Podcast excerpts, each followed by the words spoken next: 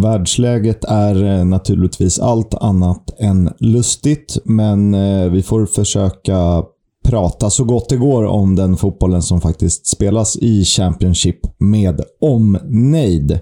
Och eh, för att försöka göra sin vardag lite muntrare så kan man ju spela fotboll. Det kan man göra i olika lag, i olika ligor, i olika seriesystem. Bland annat Korpen. Mm, det är ju så att vi gör även det här avsnittet i samarbete med Korpen. Denna, eh, inte bara fotbollsorganisation, utan motionsorganisation som finns landet över. Och vi kan ju säga att vi har det här samarbetet med både glädje och stolthet. För som jag säger i varje episod nu så har jag ju spelat i mitt kära Sjökrickan, i Korpen, i 18 år. Och det är ju väldigt lång tid. Dessvärre är det ju sportlov den här veckan, så då hade ju Korpen uppehåll. Tråkigt nog, men det betyder att jag ser fram emot måndagens korpmatcher ännu mer. Och jag pratar ju om innekorpen. Det kommer ju också då utekorpen till, eh, ja, nu till våren. Och vill ni spela där så ska ni anmäla ert lag. Ni går in på korpen.se fotboll och så skapar ni ett lag med ett roligt namn. Så får ni ha lika kul som jag har på mina måndagar. Vi hade ju lite bra namnförslag. Cardi FF, Sorgebarnslig, om man så vill. Vi fick in något mer som var ganska roligt tyckte jag i helgen. Kommer du ihåg vad det var?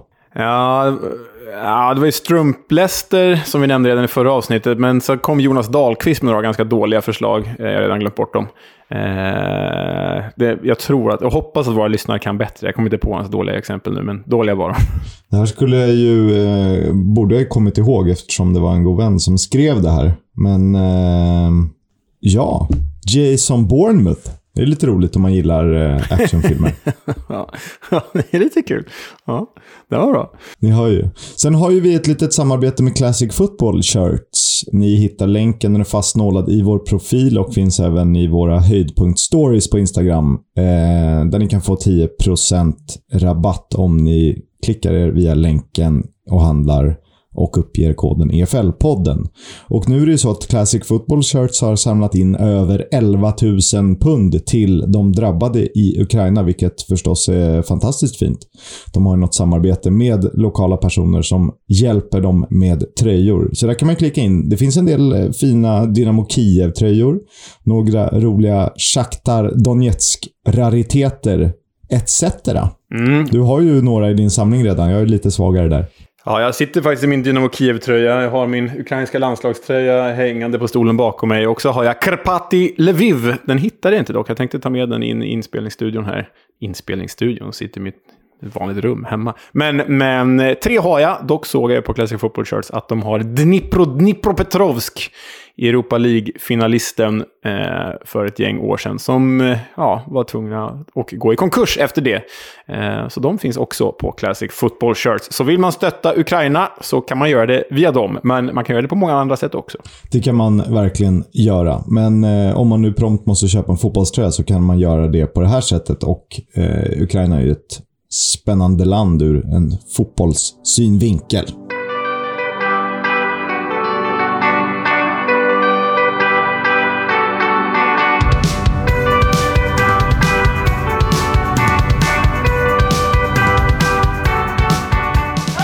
Du lyssnar på Footballs Coming Home, en podcast om främst The Championship, den underbart älskvärda andra divisionen i England. Vi pratar även lite League 1 och League 2 och FA-cupen och Ligacupen när det passar. Jag heter Oskar Kisk och med mig har jag Leonard Jägerskiöld Velander.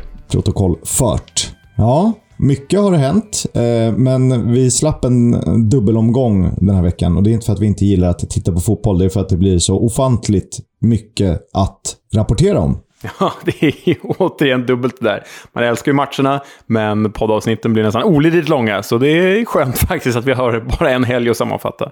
Det är ju det. Eh, vad säger du om att eh, hoppa direkt in i hetluften? Vi gör väl det.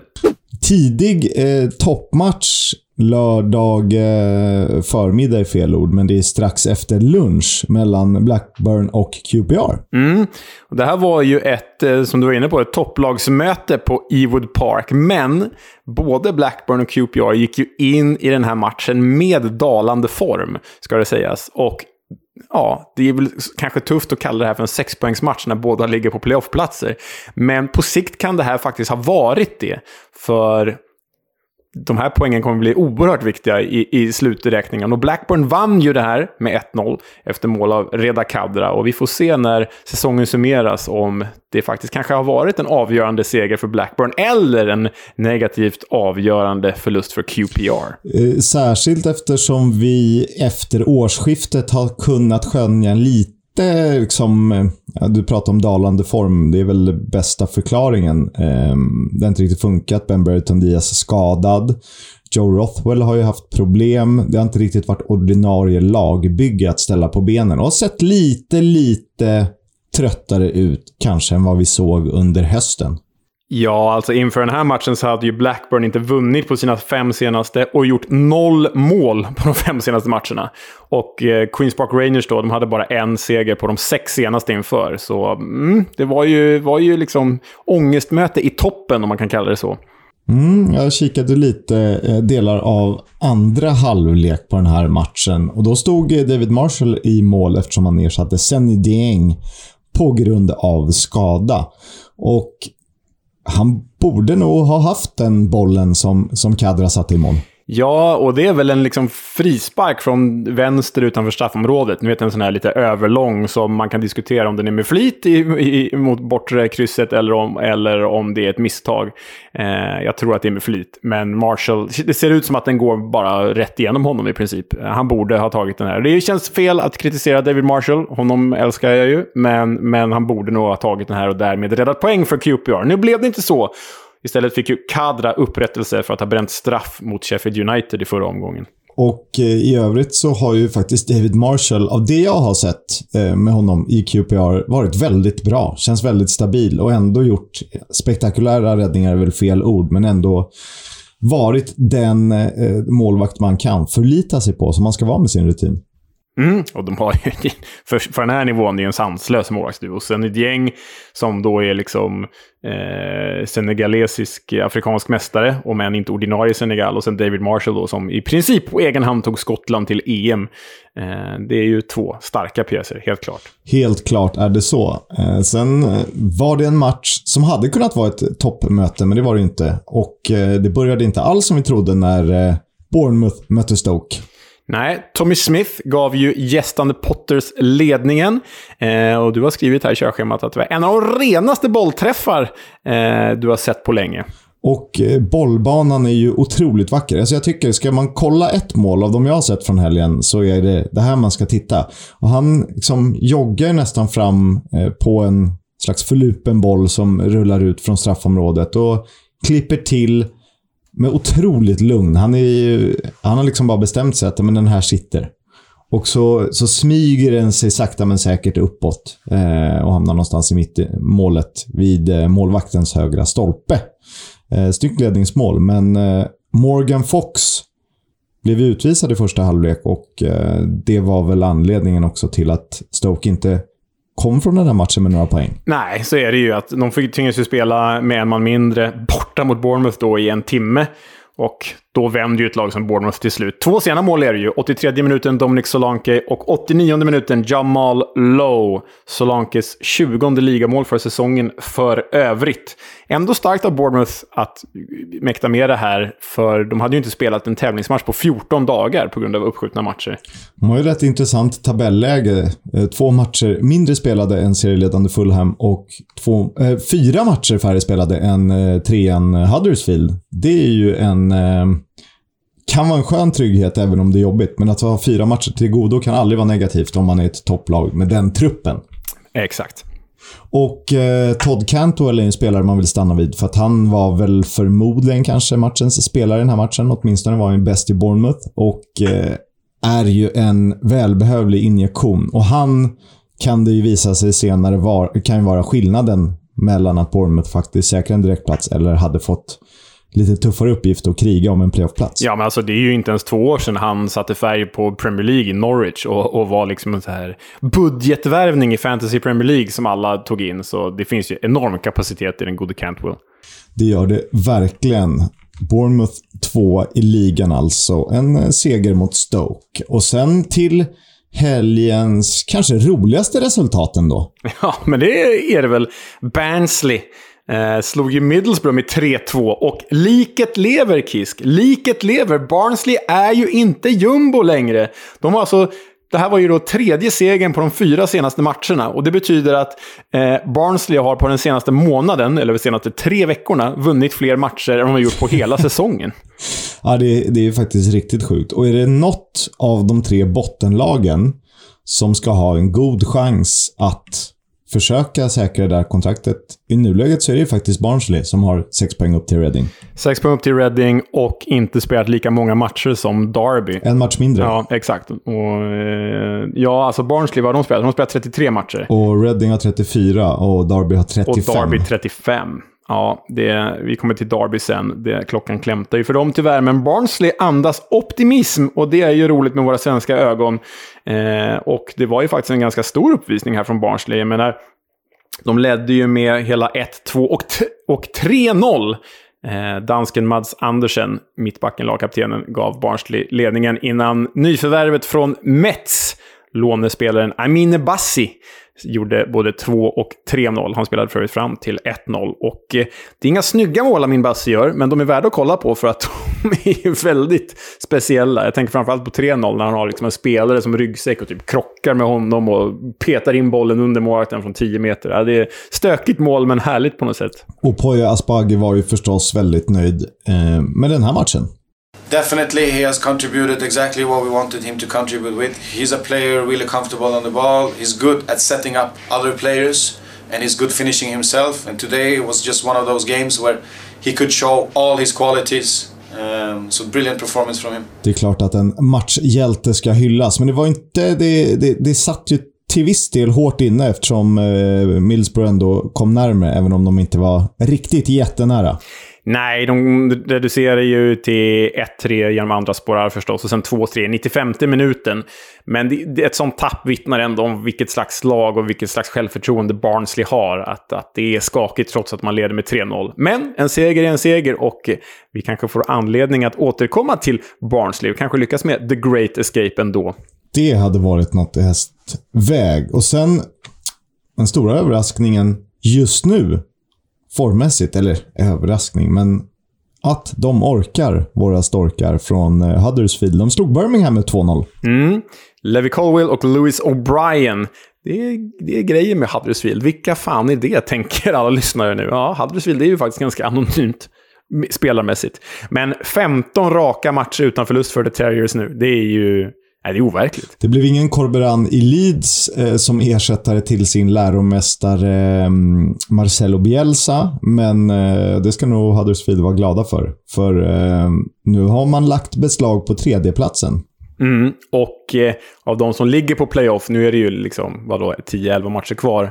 Lite mindre för Huddersfield, för de har ju nästan spelat flest matcher i serien. Men Huddersfield känns väl formmässigt just nu som det starkaste laget på playoffplats. Frågan är om formen håller i sig. Det brukar ju inte vara så. Det brukar alltid vara någon annan som smyger upp där när det är dags för playoff och faktiskt går förbi den förmodade favoriten, som i nuläget får sägas vara Huddersfield. Ja, det där skiftar ju från vecka till vecka, särskilt för oss. Jag tycker vi hittar nya favoriter. Eftersom vi i avsnittet när vi tippade hur det faktiskt skulle gå hade med West Brom som en kandidat. Vi ska återkomma mer till West Brom, men eh, de är ju i nuläget inte i närheten. Sen vet vi att det kan gå tre veckor, sen helt plötsligt är de superaktuella igen för att de har gjort något jättebra. Var, fanns det någon att lyfta i Birmingham? Ja, det gjorde det ju. Eh, alltså, eh, vänsterbacken Jeremy Bela eh, vid eh, eh 2-0-målet är ju kanske den sämsta försvarsinsatsen jag sett den här säsongen. Han bara står och trampar på bollen och får inte bort den och så blir han av med bollen avväpnad och så är det mål. Eh, det är riktigt uselt. Vill ni se hur ni inte ska spela försvarsspel i korpen, då rekommenderar jag er att youtuba in er på highlights från Birmingham Huddersfield. Han ska väl eh, dessutom inte vara vänsterback, utan han ska ju vara vänsterspringare. Ja, onekligen så. Tycker jag. Blackpool satte käppar i hjulet för Reddings väg mot säkrat kontrakt och det var storsiffrigt. Det var 4-1. Mm. Och Reddings interimtränare Paul Ince, den Paul Ince ni alla tänker på, fick en bra start förra veckan med seger. Och fick ju även en bra start i den här matchen när Lucas Schwau, vem annars, gav The Royals ledningen. För övrigt Lucas Strauss femte mål på de fem senaste matcherna och fjärde mål på de tre senaste matcherna.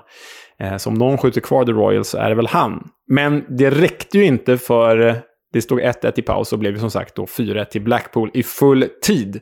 Nej, Reading eh, verkar ha hittat tillbaka till hopplösheten och uselheten ganska fort. Målskyttarna i Blackpool var Ekpiteta, Madin, Lavery och Bowler. Och eh, det brukar ju handla om Madin, Lavery och Bowler samt Cash Anderson. Eh, eller har i alla fall gjort det den här säsongen. Och Josh Bowler, han gör mål på mål på mål. Fem mål på de sju senaste matcherna. Mm, det är starkt. Och eh, Blackpool-tränaren Neil Critchley, Liverpool-favoriten, han har ju varit väldigt artig i många intervjuer den här säsongen. Det var, även, var han även efter den här matchen när han sa att det här inte alls var ett rättvist resultat. Reading förtjänade poäng, men jag är nöjd ändå. Så det var ju fint sagt av honom. Det var fint. Och det, det är klart han ska säga det. Ditt kära Fulham såg till att Mitrovic fick utöka rekordet, föga förvånande, när man besegrade Cardiff eh, borta med 1-0. Det har blivit eh, fler och fler uddamålssegrar, känns det som, för Fulham. Ja, och det är väl det vi pratade om för ett par veckor sedan, att det här liksom, champagnefotbollslaget ändå kan spela dåligt och vinna de flesta matcherna med, med uddamålet ändå. Med undantag för torsken mot Huddersfield då, häromveckan.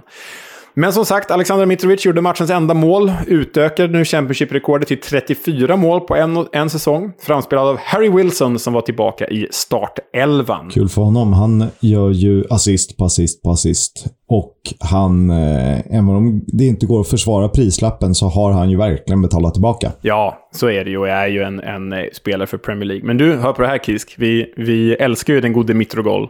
Nu har han alltså gjort 12 mål på de nio senaste ligamatcherna. Ja, det är ju eh, det är otroligt bra. Att han orkar hålla i det här. Vi får bara hoppas att de inte säkrar kontraktet för tidigt så att eh, han skulle få för sig att vilja åka på den där pizzasemestern vi var inne på. Exakt. Ska väl sägas att Cardiff eh, hade tuffa förutsättningar inför det här. De saknade ju flera spelare på grund av magsjuka och förlorade matcher på grund av magsjuka. Det har ju du som Spurs-supporter erfarenhet av. Mm. Lasagnegaten ska vi inte stanna vid. Vi ska inte prata något Tottenham det här avsnittet, vare sig du vill eller inte. det kommer vi nog göra med anledning av FA-cupen sen, tror jag. Det ska vi absolut inte göra. Men eh, Fulham dominerade bollinnehavet. Cardiff hade fler skott på mål, men vad hjälper det när man har Mitro Goal i anfallet? Det var, det var eh, sen dramatik när Coventry mötte, mötte Preston North End. Matchen slutade 1-1, även 1-1 i utvisningar. Mm. Och eh, det var ju sanslösa slutminuter på Coventry Building Society Arena. Står ju alltså då 0-0 efter 84 spelade minuter. Och då bestämmer sig Preston North Ends Liam Lindsay att eh, han bestämmer sig för att tackla Victor Gyökeres vid ett inkast i princip. Så han blir utvisad, direkt rött kort, fult som fasiken var det. Eh, Gyökeres får ont och det går ett, ganska många minuter där eh, innan spelet sätts igång. Men det som händer då eh, på efterföljande frispark det är att Preston North End med en man mindre återerövrar bollen, kontrar och eh, blir fällda i Coventry straffområde istället. Så Fankatu Dabo blir utvisad då för Coventry och straff till PNI. Och sen blev det ju, eh, i och med röda kort och straffar och, och väntan, ganska lång övertid. Och det var ju Coventry väldigt tacksamma för, visade det sig. Ja, för Daniel Johnson satte ju straffen för Preston North End då i 89 minuten. Coventry fick ju då hela åtta minuters stopptid att spela på och lyckades kvittera i den 98 minuten genom Fabio Tavares. Eh, det var jäkla goda publikscener då vid den kvitteringen. Preston North End var förbannade för den långa övertiden. Eh, men Victor Gyökeres struntade, struntade ju i det och twittrade efter matchen “Coventry time”. Fergie time känner vi till. Nu är det alltså Coventry time som gäller och eh, de känns väl inte som den mest seriösa playoff-utmanaren, men de har gjort starka resultat mot slutet. Gyökeres har liksom hittat tillbaka igen. De ser bättre ut än de gjorde en, under en period där mellan säsongen. Och har ju faktiskt bara tre poäng upp till playoff. Ja, det är, det är ju faktiskt helt sjukt. Men det vittnar ju också om att många ovanför dem har börjat tappa ganska mycket poäng det ju, handlar ju om det också. Eh, exakt så, i takt med att de faktiskt har spelat upp sig rejält. Ja. Eh, för de låg ju där och, och nosade tidigt in på säsongen, gjorde de. Så är det. Ett annat lag som något överraskande ändå smyger med. Eh, en otroligt fin strategi. Sakta men säkert har de byggt från grunden. De har eh, ett otroligt öga för värvningar. Det är Luton som slog Derby med 1-0. Ja, var de tvungna att offra Derby på det här fotbollens altare. Men visst, det är ju... Luton är ju... Alltså det är sånt otroligt klubbygge, Kisk. Alltså vinner med 1-0 mot Derby genom Danny Hilton. Men Luton är på... Alltså ditt Luton, som egentligen på pappret borde vara nedflyttningskandidat sett till förutsättningar är ju på playoffplats. För fyra år sedan låg de i League 2. För åtta år sedan, Kisk, då låg de på tionde plats i Conference. Ja, det är en helt sanslös utveckling och det visar ju verkligen hur man ska jobba strategiskt på den här nivån. Eh, för de splashar inte pengar över några supervärvningar. Alla är ju på något sätt handplockade. Eh, uttrycket moneyball har ju blivit överanvänt inom all idrott, men eh, det är väl det bästa jag kommer på i sammanhanget. Ja, jag, jag instämmer. Och den otroliga formen som The Hatters är i. Alltså Nathan Jones lag vann fem av sex möjliga matcher i februari. Tog 15 av 18 poäng. Ja, då är det playoffplats som gäller. Nu börjar de eh, sjunga igen. Nathan's taking us up. We've got promotion on our mind. Som de gjorde mot Notts County mm. för ett gäng år sedan. Kul eh, för The Hatters såklart. Och roligt tycker jag. Ett annat Londonlag som vann med 1-0 i helgen, kanske något överraskande givet gästande lags form. Det var Millwall som slog Sheffield United med 1-0. Mm. Ja, Millwalls form ska vi inte förringa heller. Fjärde raka Nej, segern. Exakt, exakt. Ja, eh, eh fjärde raka segern och eh, Jake Cooper, mittbacken, avgjorde. Eh, och lyssna på det här Kisk. Han gör inte så många mål den här killen. Men han gjorde nu sitt femte mål på sju matcher mot Sheffield United. Det är ju riktigt bra. Det är som eh, Harry Kane mot Arsenal. Ja, lite så. Bara att den här jäveln är en rörig mittback i Millwall liksom. Eh, Blott Blades, som du var inne på, Blades hade ju bra forming för det här. Blott, Blott Blades andra bakåtmål på de nio senaste matcherna. Eh, ja, eh, Sheffield måste nog vinna lite mer här för att koppla grepp om playoffplatsen. Men det kanske de gör till slut ändå. Så är det. Men eh, och Millwall har ju bara Fem poäng upp till playoff. Det såg man inte riktigt heller komma. Nej, det går. Även om de har legat i det där mittenträsket som har liksom hela tiden liksom snuddat. Ja, nej, det är ju, vi hade ju Millwall som någon slags här teoretisk outsider i vårt tips inför säsongen. Lite samma, vi be, be, bedömde dem väl egentligen som Luton på samma sätt tror jag. Ja. Sjukt. Två, två kultklubbar om båda skulle hamna där. Det hade ju varit väldigt roligt. Vi får ju eh, verkligen lov att återkomma till vårt inför säsongen tips. Det är väldigt roligt att se hur rätt vi var på det då. Och, eh, du menar fel, va? Eh, det beror på vad du menar. Vi har, vi har ändå Derby och Peterborough där nere. Ja, jo, det, det har vi. Det Glöm inte att jag hade Fulham som etta, såklart. Mm.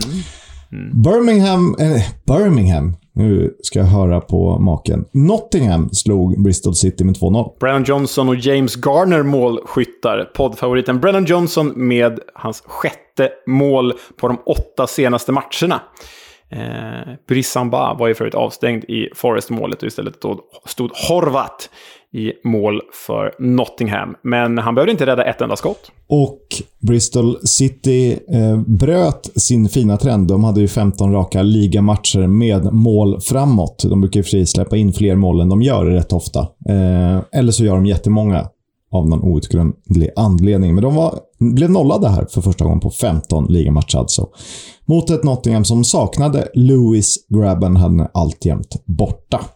Helgens sista match spelades mellan... Det var ju lite av ett bottenmöte där Hull kan ha tagit tre viktiga poäng mot ett eh, säkrat kontrakt. Peterborough Hull 0-3 och Keen Lewis Potter tillbaka i het form igen. Mm, han fick faktiskt spela på topp nu istället för någon slags ytterut. Han fick spela som en av två anfallare under Shota Arveladses ledning. Väldigt tungt för Peterborough, som ju hade ersatt eh, Darren Ferguson med Grant McCann. Och vad är det speciella med det här då? Jo, Grant McCann gör alltså då en comeback i Peterborough, för det var hans första tränarjobb. Eh, lämnade dem 2018, om jag minns rätt. Och han fick ju sparken för bara ett par veckor sedan av Hull. Och eh, det kunde väl inte börjat sämre då än att förlora med 0-3 mot sin gamla arbetsgivare. Det känns ju riktigt, riktigt tungt faktiskt. Det gjorde det. Vi pratade om Grant McCann som ju var kapten för ett Peterborough back in the days. Eh, det gjorde vi i förra avsnittet i, i segmentet Klubben om just The Posh. Eh, men det var Hall som ägde tillställningen. 6-1 i avslut på mål. Eh, Keen Lewis Potter gjorde sitt sjunde och sitt åttonde mål den här säsongen. Han har bara hunnit fylla 21 år. Ja, det är, en, det är ju en imponerande figur. Honom gillar vi ju. Han och Brennan Johnson på varsin kant i någon slags favoritelva här under säsongen kanske. Men eh, du, Porsche målskillnad. De är ju tabelljumbo. I och för sig samma poäng som Derby, men Derby har ju bara minus 5 i målskillnad. Porsche har minus 42. Det är överlägset sämst i serien, närmast i Reading med minus 25. Porsche ska inte vara i The Championship, Kiss. Nej, men eh, de har bara släppt in näst flest mål. De har ju faktiskt släppt in färre mål än Reading, trot eller ej. Reading har ju gjort ett gäng. Det är väl tack vare Joao och Swift då.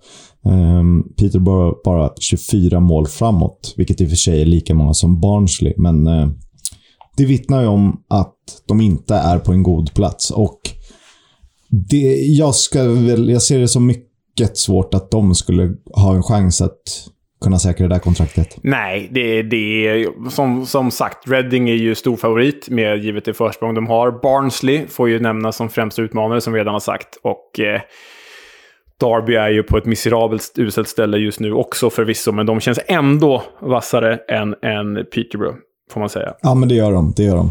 Och snart får de ju tillbaka Tom Lawrence också. Då har man ändå någon att hänga upp det på. Han kommer utvilad och laddad och förmodligen aggressionerna borta.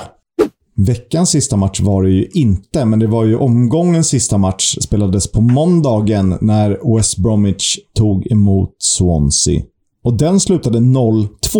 Ja, nej, jag vet inte vad som har hänt med, hänt med West Brom. Jag menar, när säsongen började, då sa man ju Fulham, Sheffield United eller West Brom kommer vinna och de andra två kommer komma två och trea. Så var ju favoritskapet. Och eh, eh, det här fria fallet som West Brom genomgår nu, det är sanslöst.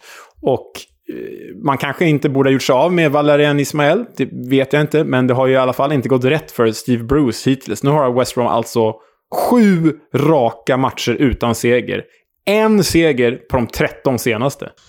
Ja, och jag tycker ju fortfarande att de har spelare för... Kvaliteter i spelarna och rutin i spelarna för att det inte ska kunna gå så här dåligt. Du alltså, har ju ändå trygga spelare på många positioner. Så Kyle Bartley och eh, Sam Johnstone, Jake Livermore. Han kanske inte har varit i sin bästa form. Eh, samma med Alex Mowat på sistone, men det är ändå bra spelare i grund och botten. Man måste kunna få ut mer av dem. Ja, ja. Nej, men det är ju... Om man ska jämföra med de andra lagen, Fulham har ju den överlägset bästa truppen, så är det. Men ja, därefter är väl West Brom och Sheffield United. Kanske Nottingham Forest efter värvningarna i januari. Men det, det är ju så, så starkt. Ja, Bournemouth då ska vi inte glömma. Men det är ju, de, de är ju där uppe och ska ju vara där uppe eh, resultatmässigt. Men det är de inte. Det här var ett lag som vann matcher i höstas med 4-0 utan att blinka. Carlon Grant, Callum Robinson, Grady Diangana. De flöt fram som tre smurfar på topp. Exakt. Och i eh, avsnittet eh, som vi hade West Brom i klubben, det var ju rätt nyligen, som du gjorde, då berättade ju du att eh, eh, West Broms sämsta placering i princip på hela 2000-talet är ju sexa i andra divisionen. Våren 2000 kom förvisso på 21 plats i motsvarande The Championship. Men det här kommer ju bli den sämsta placeringen på 20 år för West Brom. Det ser ju tyvärr så ut för Baggies. De har ju åtta poäng upp till eh, playoff och det är många lag som tampas där. Så de har ju liksom en poäng ner till Blackpool, vilket känns helt osannolikt. Och en poäng upp till Preston, vilket också är, är lite konstigt om man ser till truppen och hur det började för West Brom. Ja, nej, ruskigt svagt. Ruskigt svagt West Brom. Säsongens stora flopp får vi säga. Ja, det är ju 12 matcher kvar. Mycket kan hända. Mycket kan hända. Men just nu, absolut. Sen fick vi ju se en väldigt trevlig match under eh, tisdagskvällen. Där eh, Cardiff mötte Derby och tog eh, tre viktiga poäng. Kanske till och med poäng som definitivt kan ha säkrat kontraktet i och med att bottentrion har plockat så få poäng. Derby ursäktade, de har ett poängavdrag. Men eh, det här kan faktiskt ha säkrat kontraktet. 1-0 blev det för Cardiff. Ja, nej men det, Cardiff kan vi nog skriva av från den här bottenstriden. Det är ju, det är ju känslan. Det var ju en väldigt, som du är inne på, en väldigt svängig match. Derby hade ju enormt bollinnehav i och för sig. 72 procent i paus. Det var 60 någonting när matchen var slut. Men eh, ingen av dem hade ju riktig skärpa. Cardiff hade i och för sig två ribbträffar innan de väl avgjorde matchen. Men eh, Darby hade också ett superläge i andra halvlek. Jag kommer inte ihåg vem det var som nickade rätt på målvakten där. Men returen gick ut till Colin Cousin Richards och han måste ju göra mål i det läget. Det gör han inte. Eh, eh, och eh, då går det som det går. Det är väl det, det är samma situation du tänker på när Alex Smithis i, i, i Cardiff-målet gör en rätt fin eh, ja, räddning. Fin. Han blir nickad på, men han är ändå med där och styr ut via stolpen, va? Om jag, miss, exakt, om jag inte missminner Exakt, så är det. Exakt. Sen är det ju så att målet görs av inhoppande Ushe Ikpiazzu som är inlånad från Middlesbrough. Han gjorde ju, han har inte startat en enda gång för Cardiff, gjorde sitt sjätte inhopp och eh, gjorde sitt tredje mål, så det är ganska bra värvning. Och lite speciellt var i målet för han gjorde mål på sin gamla kompis från Wickham-tiden, Ryan Alsop, som stod i Derby. De kramade om varandra hjärtligt efter matchen. Men Kisk, vad tycker du? Bara sekunder före Cardiffs mål så blir ju Festie Bosele nedsparkad inom citationstecken utanför Cardiffs straffområde. Derby blev vansinniga och tyckte att de skulle ha haft frispark. Skulle de haft det, eller inte? Jag är... Eh, jag ställer mig tveksam. När jag såg reprisen, och då får man ju ändå se två, tre stycken, så ser det inte ut som att träffen han får på benet är särskilt hård. Om han ens får en rejäl träff. Det var min bild av det. Eh, nu är inte jag utbildad domare. Eh, och Sen tycker jag, då är det nästan mer det är ett kramkalas. Det är väl Ikpeazzo mot Curtis Davis, va? I straffområdet. Och han mm, bryter sig loss. Där ville Davis ha frispark. Ja, och det, det hade absolut kunnat bli en frispark för Darby där, utan att det hade varit särskilt uppseendeväckande, tycker jag. Ja, jag tycker nog att ingen av de här är frispark. Och framförallt skulle jag vilja säga, för det var ju Rooney och Ebosele som var mest arga över den här uteblivna frisparken. Men Ebosele har ju bollen till höger om Cardiffs straffområde, bryter in i banan. Och där har han ja, men tre, jag kollar på det igen, han har tre medspelare att passa i bättre lägen. Vänder att ta ett extra steg in i banan, fel beslut, blir då av med bollen. Så istället för att skylla på domaren där tycker jag nog att Festia Bosele, som jag annars gillar, kanske ska rannsaka sig själv. Hade han bara släppt bollen i rätt läge så hade hon inte släppt in det där bakåt målet. Nej, och vi, vi twittrade innan matchen att eh, håll koll på matchen i matchen. Eh, Darbys högerkant, Cardiffs vänsterkant, eh, Festia Bosele mot Joel Goal, Bagan. Och eh, jag tycker att vi hade ändå hyfsat rätt där, för eh, de bjöd på turer. Och Feste Bosele, när han får liksom... Det är tajmingen som måste sitta, men när han får upp farten. Jag tror inte jag har sett en snabbare människa på en fotbollsplan. Nej, men han är ju Championships Adama Traoré. Han är, liksom, han är ju inte lika biffig som Adama Traoré, men han har ju liknande fysik. Och utgår från samma position. Det är en väldigt bra liknelse, för de har ju lite samma spelsätt. Det är, det är ju lite peta sticka och det finns detaljer att slipa på, men råämnet och snabbheten som finns där ju, kan ju bli guld. Och Festie Bosele är ju bara 19 år gammal och nu är ju Derby tvungna till det här givet den konkursmässiga situation de har befunnit sig i hela säsongen. Men startelvan de hade igår, Kisk. Över hälften av spelarna, sex spelare som de startade med, var 21 år eller yngre. Och fyra var alltså tonåringar. Så man börjar ju förstå att luften går, har gått ur det här laget. Att det är en tunn trupp, den är inte bred. Det är första gången många av de här spelarna är på den här nivån överhuvudtaget. Jag förstår att de har slagit i någon slags vägg nu. För nu, det finns ingen ork kvar. De orkar inte längre. Man älskar ju den här kombinationen av ungdomarna och Ravel Morrison som springer runt och gör jättefina saker tills han får liksom en öppen yta. Då vet han aldrig vad han ska göra. Då är det någon så här tafatt, ett Fifa-skott för att döda tid. Eller så är det någon halvrackig passning som totalt, jag vet inte, det är som att han... Målet är att dribbla av någon spelare, sen är han färdig anser han sig. Det är så svårt. Och sen har de också Colin Kazim Richards och backjätten Curtis Davis som ju oftast gör det väldigt bra. Mm. Nej, det är ju... Det är lätt att säga nu, men hade de inte haft det här eh, förbudet att förlänga kontrakt med spelare i januari. Då blev de ju av med, med Filja Gielka som gick till Stoke. De blev ju av med, vad heter han anfallaren, gamla Reading-anfallaren? Sam Baldock, Sam? Baldock, ja precis. De blev av med Sam Baldock. Och så sålde de ju Graham Shinney till Wigan. Med de tre kvar, ah, svårt att se att de hade hamnat i den här dippen de har hamnat i nu. För nu har de alltså tre raka förluster och bara vunnit två av de nio senaste. Och dessutom Tom Lawrence avstängd nu. Det här var, var det här andra eller tredje av tre matcher? Eh, jag hoppas att det var tredje, för nu kommer de in i ett ganska tufft eh, spelschema, ska det sägas. Och de är ju som bäst när de möter eh, svårast motstånd nästan. Ja.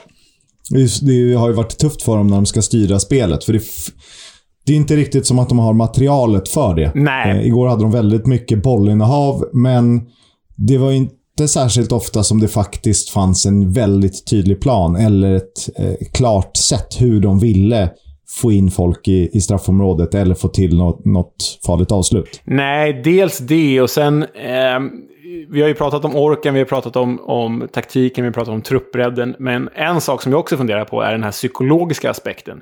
Alltså, det har varit kört för dem hela säsongen. Alla har trott, de själva säkert också, att de ska komma sist givet minus 21 poäng. Och det har varit hopplöst. De har aldrig haft något att förlora. Och därför har de kunnat göra sanslösa, overkliga resultat och skrällt gång på gång på gång på gång.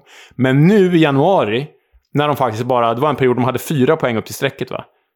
Där och då började de tro på det, tänker jag. Precis som att du och jag börjar tro på det. Precis som att många andra, Derby-fansen, också börjar tro på det. Och då har de helt plötsligt något att förlora. Och efter det har det börjat gå dåligt. Kan det vara så att det är psykologin i det hela som förstör för dem? Det kan det vara i kombination med att truppen har tunnats ut eh, och eh, flera andra faktorer som spelar in. Ungt orutinerat lag, eh, spelare som vill visa upp sig för framtiden. Du tar eh, Ebosele, Luc Planche till exempel.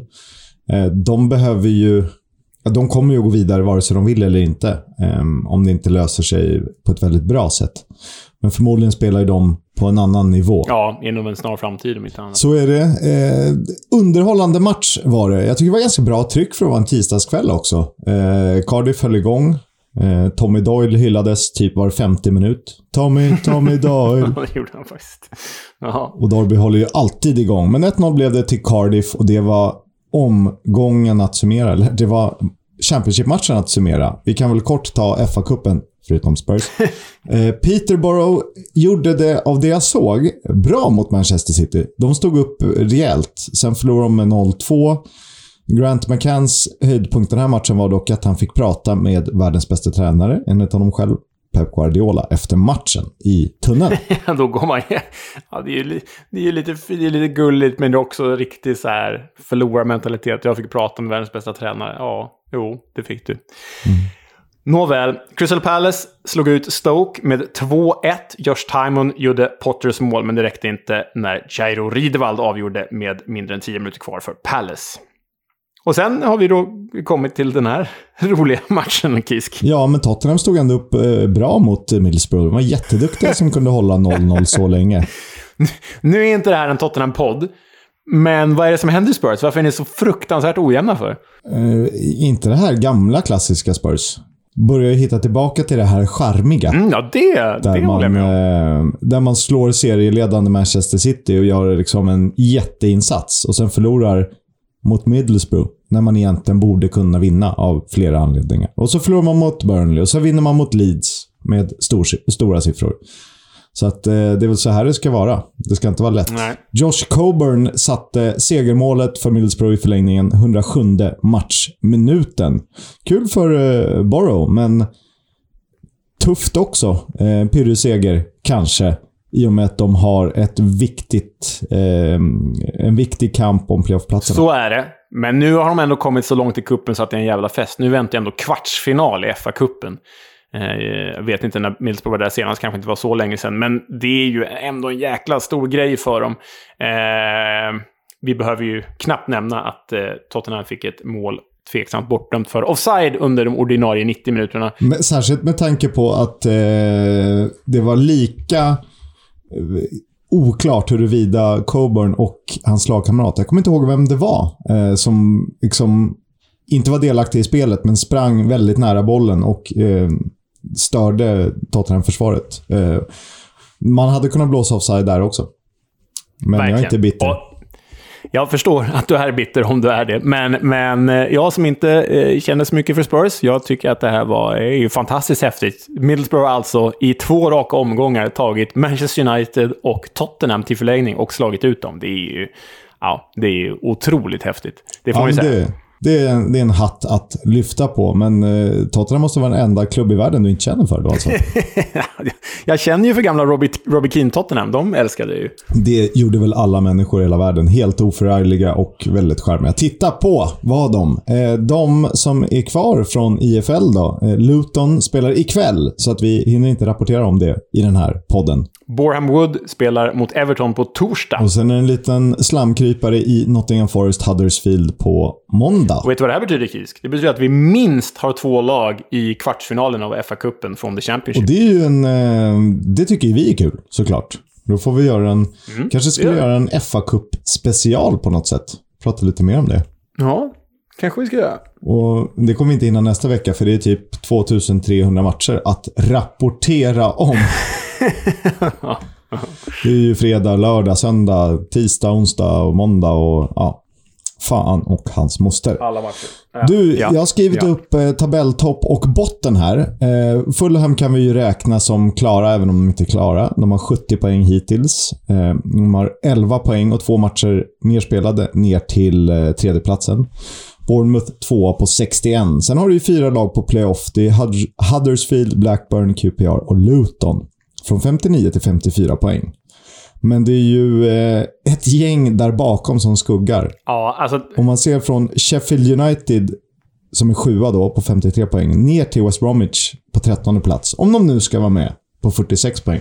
Ja, nej, det är ju det är otroligt nära. Jag, jag tror nästan att även om poängen är tätt och jag har ju skrivit saker i sten förut och så det inte blir så. Men jag tror att från plats 9 och neråt så, eller plats 10 om neråt, de räknar jag nog bort ändå. Jag räknar nog bort Coventry, Millwall, Preston och West Brom i det här. Och säger att det handlar om Forest, Middlesbrough, Sheffield och de fyra som ligger på playoff. Det känns som det, för tittar man till truppbredd och liknande så ser det som osannolikt. Och då, det är ju, nu har ju West Brom 46 poäng, att jämföra med Sheffield United då som är sjua, som har 53 poäng. De har en match mer spelad dessutom. Eh, vad, vad är det upp? Det är sju poäng upp att Sheffield ska tappa samtidigt som Middlesbrough och Nottingham Forest också gör det. Och ett lag som redan är på playoff.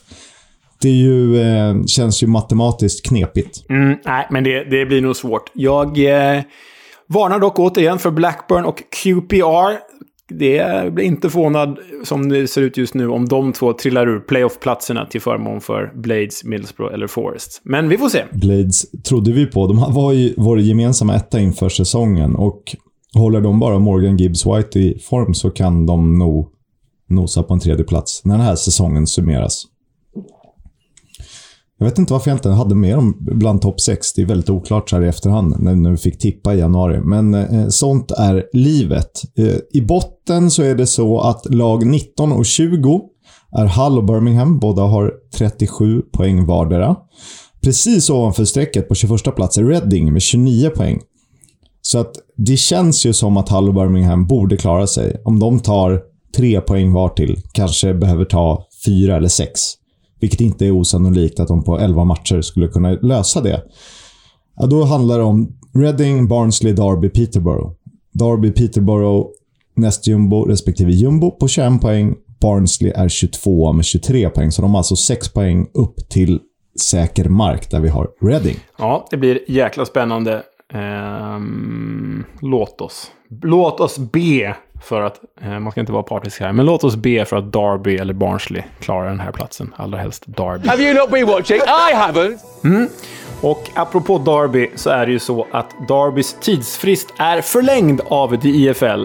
Derby missade ju deadlinen för ett nytt ägandeskap i och med att februari har tagit slut. Och det skulle ju då egentligen ha slutat med att Derby eh, gått i konkurs och eh, eh, tvingats ur divisionen den här säsongen, redan här och nu.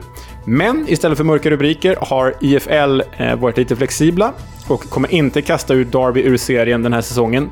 Detta då ett övertagande verkar nära. En ny ägare sägs vara nära. Konkursförvaltarna överväger fortfarande bud från flera olika intressenter, men Darbys tidsfrist förlängd alltså. Mycket glädjande. Det tackar vi för. Det hade ju kostat mer än det smakat för IFL, för alla, om man hade liksom avbrutit deras säsong och börjat pussla om schemat. Ehm, så att det, på ett sätt är det ju faktiskt rimligt, men eh, man undrar vad det egentligen är som händer där bakom kulisserna.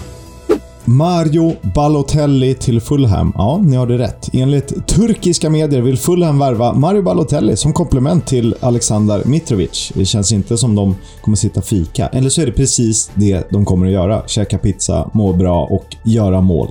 Eh, spelstilsmässigt inte helt olika och ganska härlig backup om det är så att de går upp i Premier League. Det känns ju som du är inne på, det känns ju som att det kan bli match made in heaven eller completely bonkers och de skallar varandra på första uppvärmningen. Liksom. Eh, som Fulham-supporter vill jag bara säga att eh, jag har ju det här känns mer som... Nu är ju Balotelli väldigt bra i Turkiet och han har ju blivit återkallad till italienska landslaget. Så det finns ju en, som vi alla vet, en enorm spelare i, i den här kroppen. Men det är också en ganska snurrig snubbe i, i knoppen också. Så jag vet inte om jag vill se Fulham. Det känns som mer PR än något annat. Eh, jag, eh, jag är inte säker på om jag vill se honom i Fulham. Jag tycker det är svårt för att... Um, å ena sidan gillar jag honom som person utanför fotbollen, för han känns ändå som en fin människa. Han, åker till fängelser. Han gör saker som inte andra spelare gör. Det finns rock'n'roll kvar i honom. Eh, samtidigt så har han ju alltid varit för mycket bad boy för att kunna agera som han gör på planen, givet hur han har levererat. Han hade ju någon eller några säsonger där i, i City han var riktigt bra.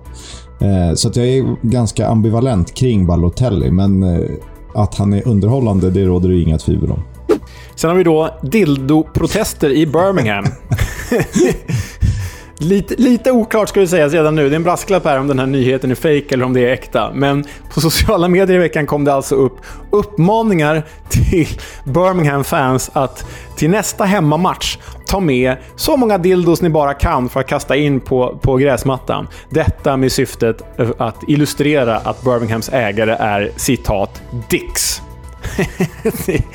ja. Fake eller ej, roligt är det ju. Nej, jag hoppas att det är äkta. Jag vill att det ska vara äkta det här. Det, det, låt det vara äkta. Den bilden med massa eh, rosa sexleksaker över St. Andrews eh, vore ju en syn för historieböckerna. Verkligen. Ja, nej, vi hejar på dildomarschen, helt klart. Vi missade ju precis att Grant McCann eh, var klar för Porsche när vi spelade in eh, förra veckans avsnitt, men det är han ju. Ni har ju hört om det. Han är nöjd över att ha träffat Guardiola. Men vi fick en fråga under tisdagskvällen där varför spelar inte Victor Johansson? Så det här har vi ju gått till botten med. Han har suttit på bänken eh, på sistone och svaret är egentligen ganska enkelt. Josh Vickers, eh, andra målvakten, numera första målvakt för Rotherham, gjorde sitt livsmatch mot QPR i FA-cupen. Efter det har Rotherham fortsatt spela riktigt bra, fortsatt vinna med honom i målet. En tränare ändrar inte ett vinnande koncept och i takt med det har Vickers ja, varit i sanslös form. Och egentligen är det inte svårare än så. Eh, såklart är det trist för oss svenskar och Victor Johansson, för han har ju väldigt fina siffror och är en av seriens bästa målvakter om man litar på statistiken. Ja, de har ju faktiskt gjort så här lite under säsongen. Det var en period i höstas då Victor Johansson satt på bänken också till förmån för Wickers. Det var ju 5, 6, 7 matcher. Och så kom ju Victor Johansson tillbaka. Så det känns som att det är ett ganska jämbördigt förhållande mellan Johansson och Vickers och liksom ja, bäst form spelar, typ. Lite så, och nu har han varit i överdrivet bra form, Vickers, så han har fått stå.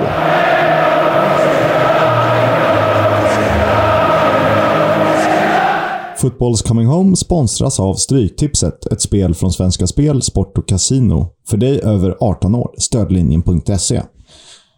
Min höjdpunkt den här helgen är match 7 på kupongen. Middlesbrough mot Luton. Vi har ju redan nämnt dem och att Luton har klivit upp på en lite oväntad och överraskande sjätte plats, det vill säga att de har playoff i egna händer, som läget är nu. Det här blir åttan mot sexan i tabellen. Middlesbrough eh, har en Great Cup Run i bagaget. Eh, orimligt viktiga poäng på spel om eh, platserna som alla drömmer om. Miljonerna som alla vill åt. Vi får väl se hur det går mellan Borough och Luton. Vad, vad har du sniprat in dig på, Leo? Ja, men det är ju två saker egentligen. Toppen och botten. Om vi börjar där uppe så är det ju en fin fredagsfight mellan Sheffield United och Nottingham Forest. Vem kopplar greppet om playoff-jakten? Äh, den är ju otroligt härlig den här. Det kommer bli ganska eh, tillknäppt tillställning kan jag tänka mig. Två ganska defensivt starka lag. Ett kryss eh, vore ju inte helt otroligt. Men den här kommer jag titta på. Det är en njutbar fredag förstås. Och sen då lördagen, Kisk. Ångest de la Madre Mia. Lördag 16.00. Derby mot Barnsley. Oh, oh. Det är rysningar och det är inte gåshud. Nej, det är, nej, det är ju... Ja. Det, det, det är så oerhört jobbigt eh, att gå in i den här matchen för något av lagen. Kryss, nej, det vill väl ingen ha. Seger måste båda ha. Kanske framförallt Derby då, eh, givet att de har spelat två matcher mer. Eh, så ah, det här kommer nog bli en rejäl ångestmacka till, till lördagskaffet. Den ska vi kolla på. Det ska vi naturligtvis göra. Men nu ska vi göra något annat. Prata om annan ångest. Mm, för det är dags för klubben. Du ska ju ge oss Charlton Athletic.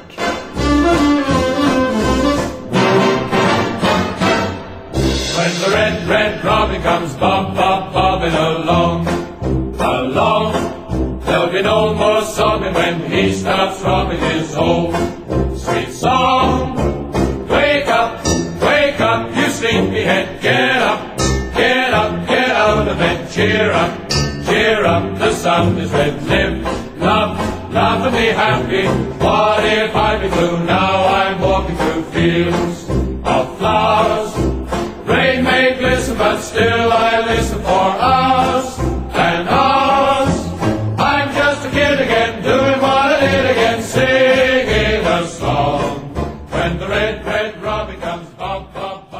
Ja, ni hörde When the Red Red Robin, Charltons inmarschlåt. En eh, klämkäck jazzdänga från tidigt 1900-tal som är en favorit hos Charltons supportrar, mycket tack vare sin rika historia. Men till premiären augusti 2021 bestämde Thomas Sandgård, ägare och ordförande i klubben, att en ny inmarschlåt skulle lyfta The Valley innan avspark. Vi lyssnar. Klipp.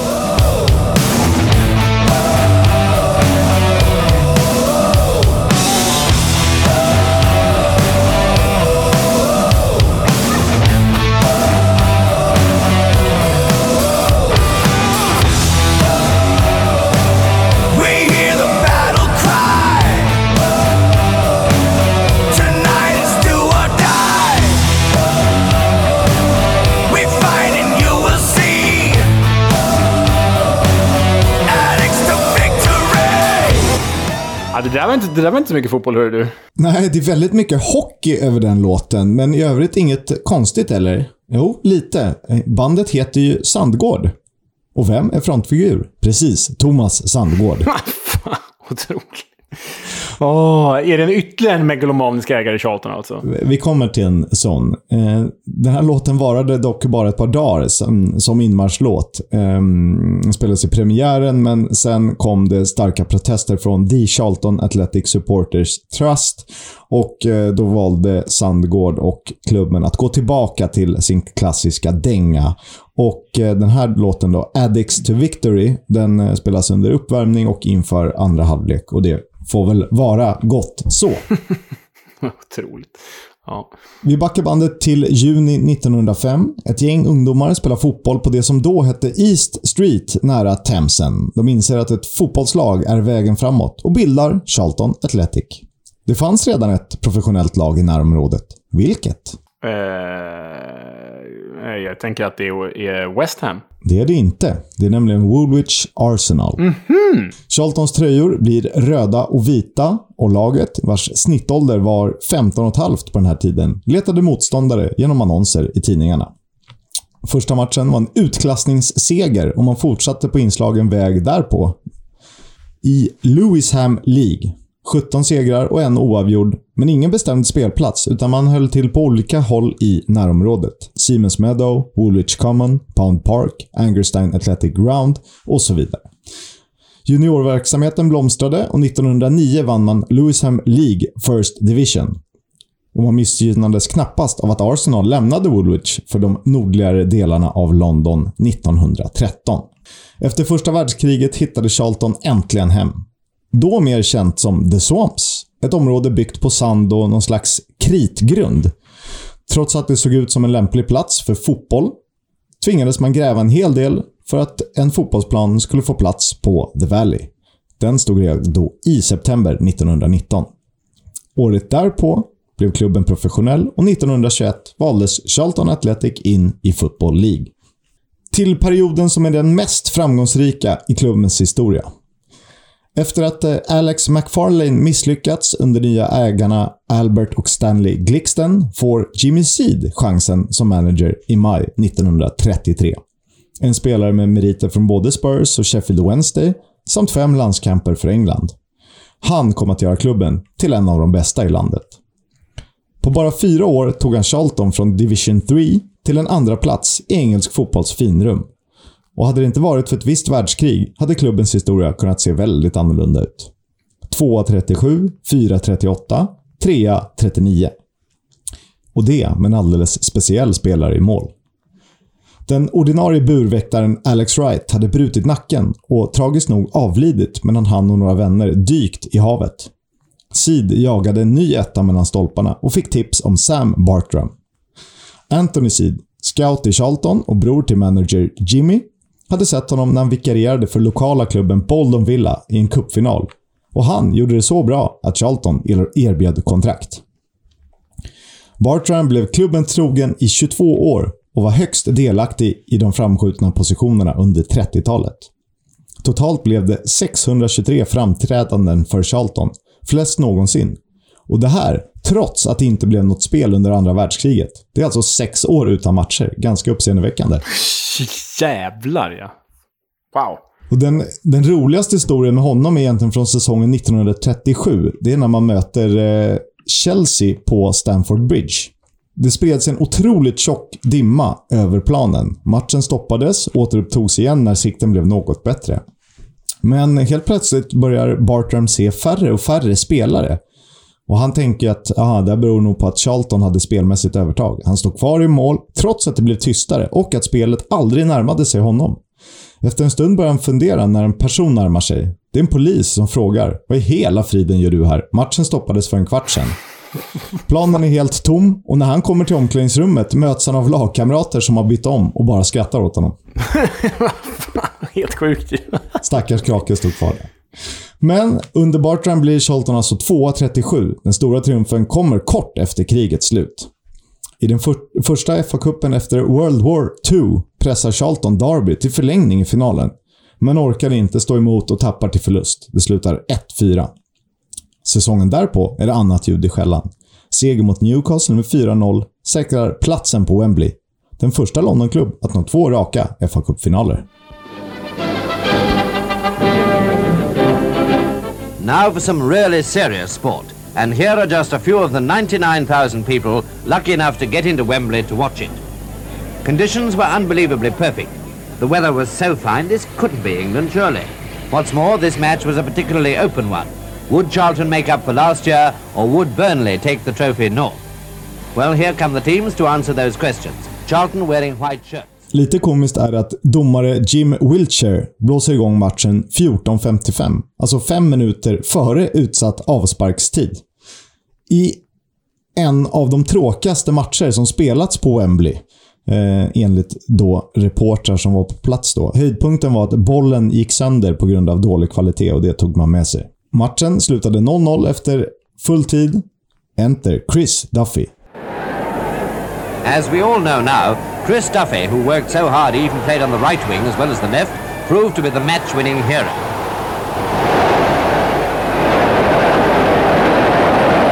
With about five minutes to go, he scored with a first-timer. Having done so, he had quite a long run before he could find Jack Shreve to tell him all about it. Titeln till södra London, den första och hittills enda stora triumfen i klubbens historia. Stort för Jimmy Seed, klubbens legendariska manager, som kom att göra 23 säsonger innan han sparkades av Charlton 1956. Då hade han hållit klubben i First Division sedan han tog upp dem 1936-37. Och den säsongen, alltså 1957, åkte klubben ur högsta divisionen. Efterföljande säsongs höjdpunkt var när man vände 1-5 till 7-6 mot Huddersfield med 28 minuter kvar av matchen, trots en man mindre. Så ni hör ju. 60-talet blev en deppig period i Division 2, där en tredje plats och några Great Escapes var de enda ljusglimtarna. Och kanske att Keith Peacock fick göra debut 1965, när målvakten Mike Rose blev skadad tidigt. I och med det blev han den första spelare att bli inbytt i en Football League-match. Tidigare spelade man ju med de elva som spelade. Vem var manager då? Jo, Bob Stoko, som vi pratade om i Sunderland-avsnittet. Han som vann FA-cupen som spelare i Newcastle och som manager för The Black Cats. Peacock är klubbens näst meste spelare med 591 framträdanden. 1972 åker man ur och spelar således i tredje divisionen, med någon uppflyttning och en sväng tillbaka under decenniet som följer. Glixten-familjens ägarskap stannar vid 50 år när Mark Hullier köper klubben för 1000 pund 1982. Därmed blir han den yngste ordföranden i Football League. Och ganska snabbt gjorde han klart med en viss Allan Simonsen från Barcelona för dåtidens ganska stora summa 300 000 pund till engelska andra divisionen. Han var en europeisk storstjärna som dock kände sig petad trots succé i Barcelona när klubben hade bland andra Maradona och Schuster i laget och bara två platser till utländska spelare. Jävla stark eh, av Charlton att få dit Allan Simonsen. Det är, ja, ja, häftigt. Ja, verkligen. Skön karaktär. If the cup holds magic for Simmons and other aspects of his life at Charlton are less than glamorous.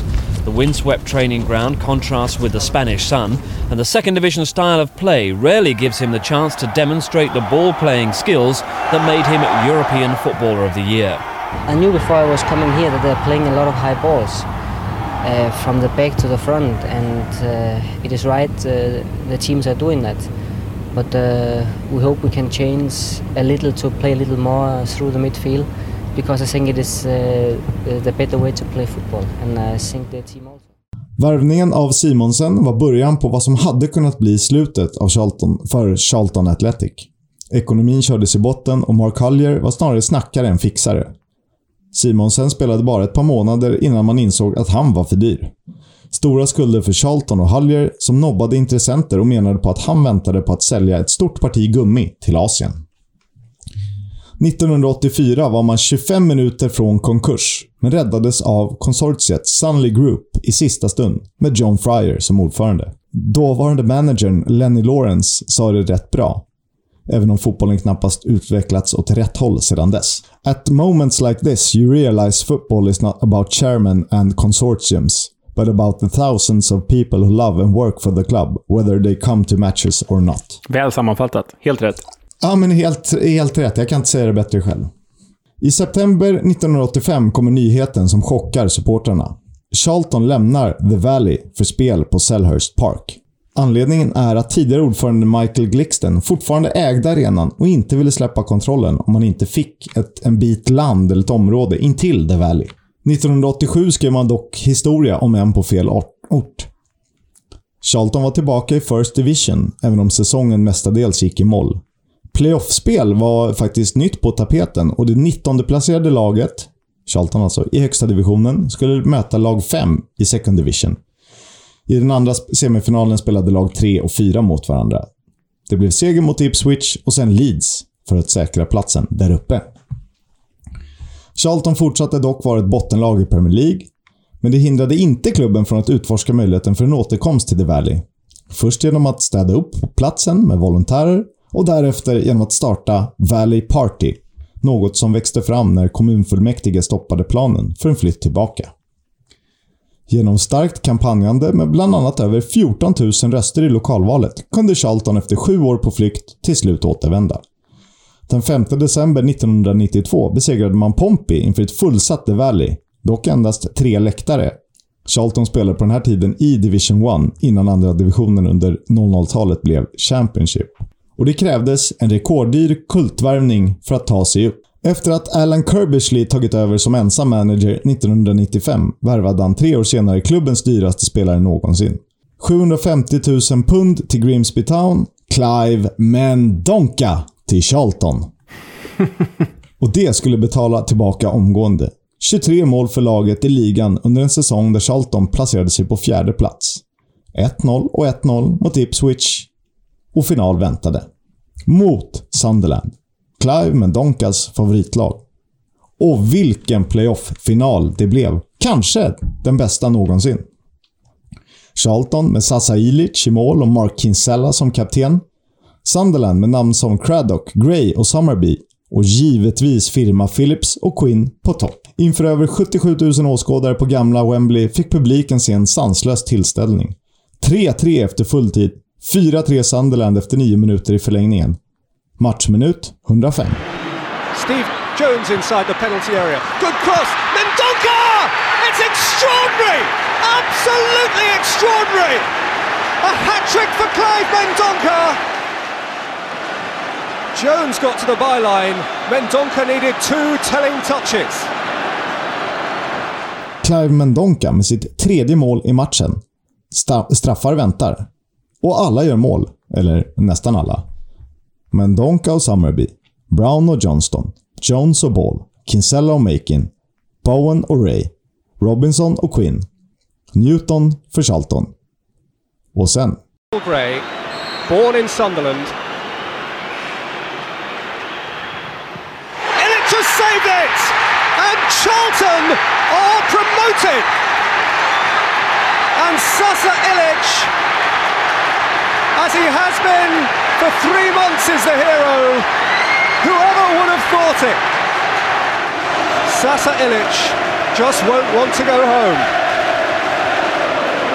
He said he came here to watch a match a month or two back, and just being here made the hairs on the back of his neck stand up. Just what must he be thinking now? It's bye-bye Division 1 from Charlton Athletic. Illich räddar Grays bedrövliga straff och Charlton är uppe i Premier League. Och även om de åker ur direkt för att därefter återvända igen till finrummet, så är detta the glory days. Från millennieskiftet fram till 2006 är Charlton ett stabilt Premier League-lag. Den första säsongen med fyra nordiska spelare i laget.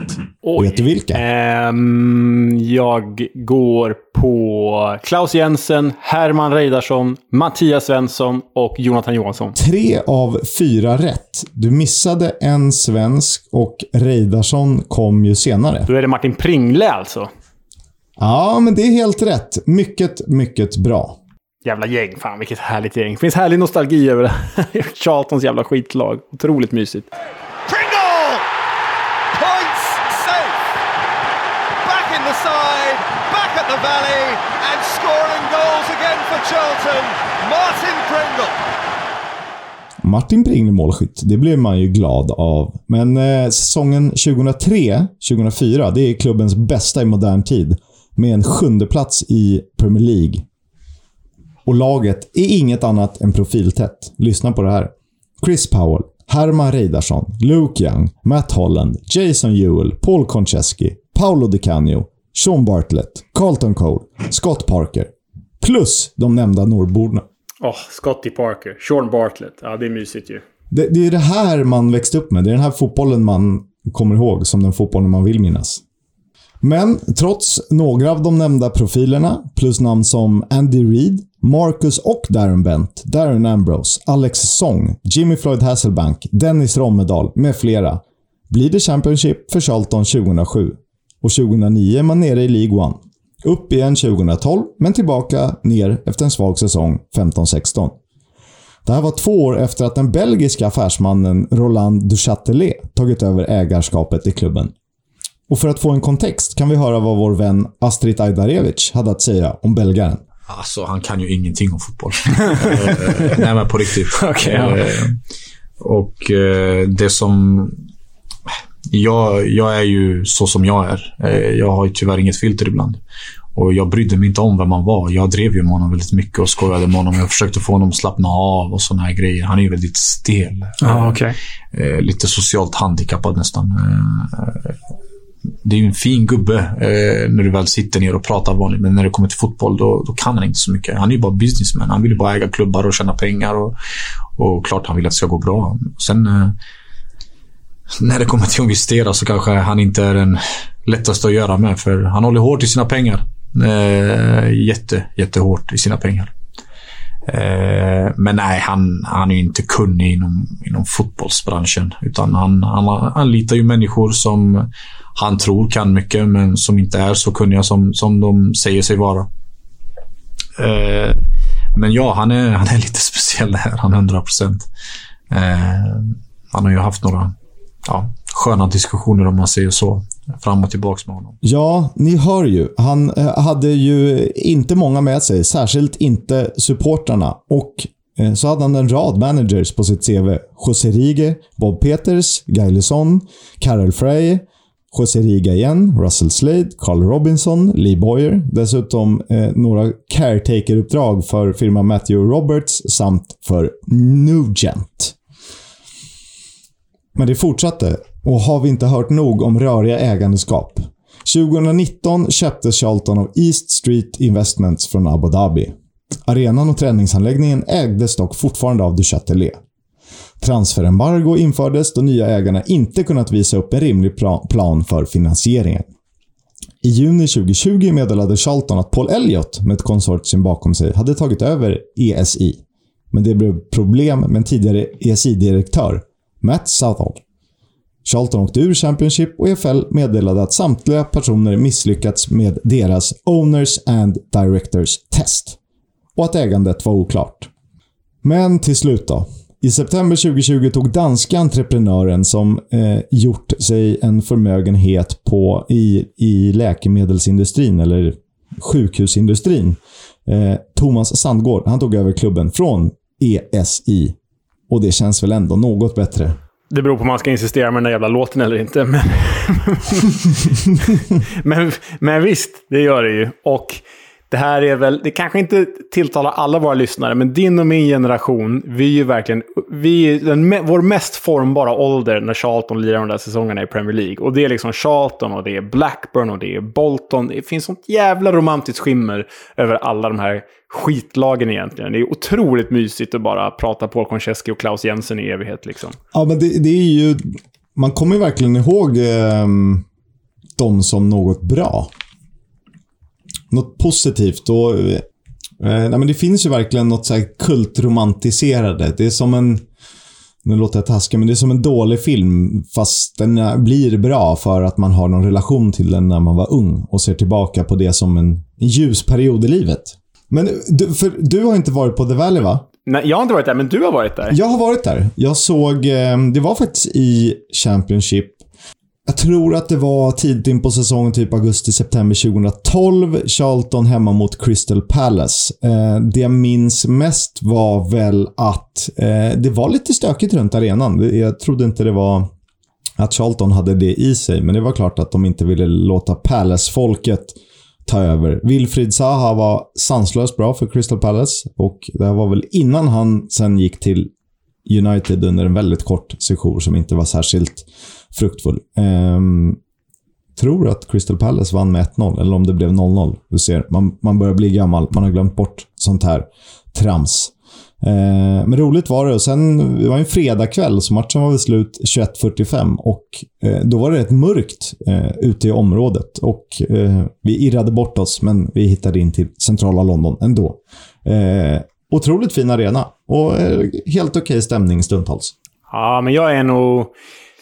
Skulle jag få bocka av en, en Londonklubb till som jag inte har gjort, då är det nog Charlton som ligger högst upp på, på min lista där. Eh, sånt, The Valley ser ju fantastiskt ut. Emblemet som klubben har är ju otroligt. Klassiskt röda dräkter. Mycket bra namn också. Charlton Athletic. Äh, det finns mycket fint med Charlton. Det låter ju större än vad det är. Och de, de har ju bytt sitt eh, emblem. För, um, för länge sedan så hade de ju bokstäverna CAFC i varsitt hörn och så hade de en Red Red Robin i mitten. Alltså en rödhakare, va? Eller domherre. Exakt, exakt. Rödhake, som Bristol City. Exakt. Eh, fåglar har, eh, trots min fars försök att utbilda mig, aldrig varit min starka sida. Men jag gillar talgoxar. Mm, det är bra. Och nu har de det här härliga svärdet. Verkligen. Have a chat about the fucking game. About your game, last few months, last few weeks. Fucking character. Du, eh, Kisk, eh, Jag vet inte om du kommer ihåg Steven Warnock? Självklart. Aston Villa bland annat. Mm, Aston Villa, fostrad i Liverpool, QPR. vänsterback. QPR eh, varvade väl ner i Derby och Bradford, men kanske framförallt mest känd för sina år i Blackburn och Aston Villa i Premier League. Ehm, han är ju alltså inte släkt med Neil Warnock. Men får ändå plats här. Ja, men jag har alltid trott att det är Neil Warnocks son, men det är det alltså inte. De är inte släkt. Ehm, och han får ändå plats här givet namnet, för i veckans Warnock har Steven Warnock varit ute och svingat lite, eller svingat lite, pratat lite. Han är nämligen expert eh, numera i Match of the Day. Och eh, han fick för sig att eh, kalla Jürgen Klopps fotboll för något speciellt i eh, veckans Match of the Day. When Jurgen Klopp came into the Premier League, they played Gangnam Style foot, Gangnam Press. They played Gangnam Style foot, Gangnam Press. They played Gangnam Style foot, Gangnam Press. Eh, han, eh, Gangnam som Gegen, det är ju eh, tyska och K-pop. Det är lätt att blanda ihop. Ja, alltså jag, vet, jag funderar också på, blandar han ihop Gangnam style med gegenpress eller blandar han ihop det med, för oss football manager junkies så fanns ju en inställning för några år sedan som hette Gang Ho. Och Gang Ho innebär ju du vet, allt, allt framåt, full fart framåt. Eh, så jag vet inte vad han blandar ihop det med, men det blir jävligt dumt när han sitter och säger att Jürgen Klopp står för Gangnam style fotboll. Mycket roligt. Det tar vi såklart med oss. Eh, när vi rundar av den här veckan, passa på att tacka Stryktipset och Korpen som är med oss och sponsrar och gör det möjligt för oss att prata om det vi tycker så mycket om.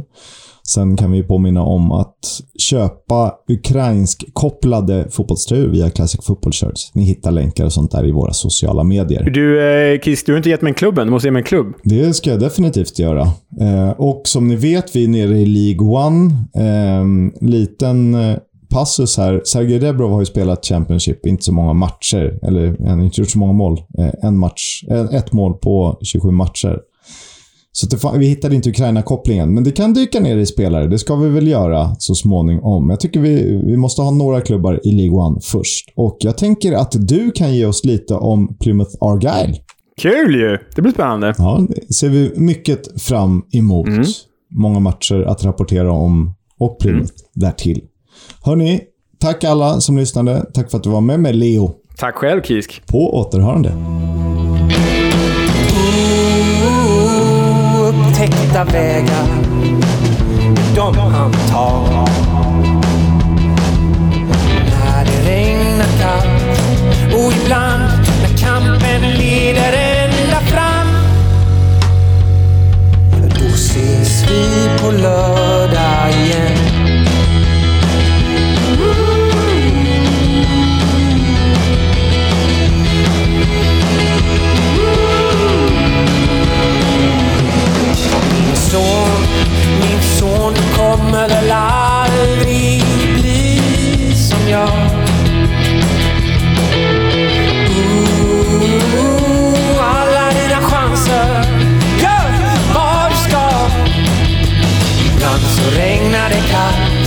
Men till slut leder kampen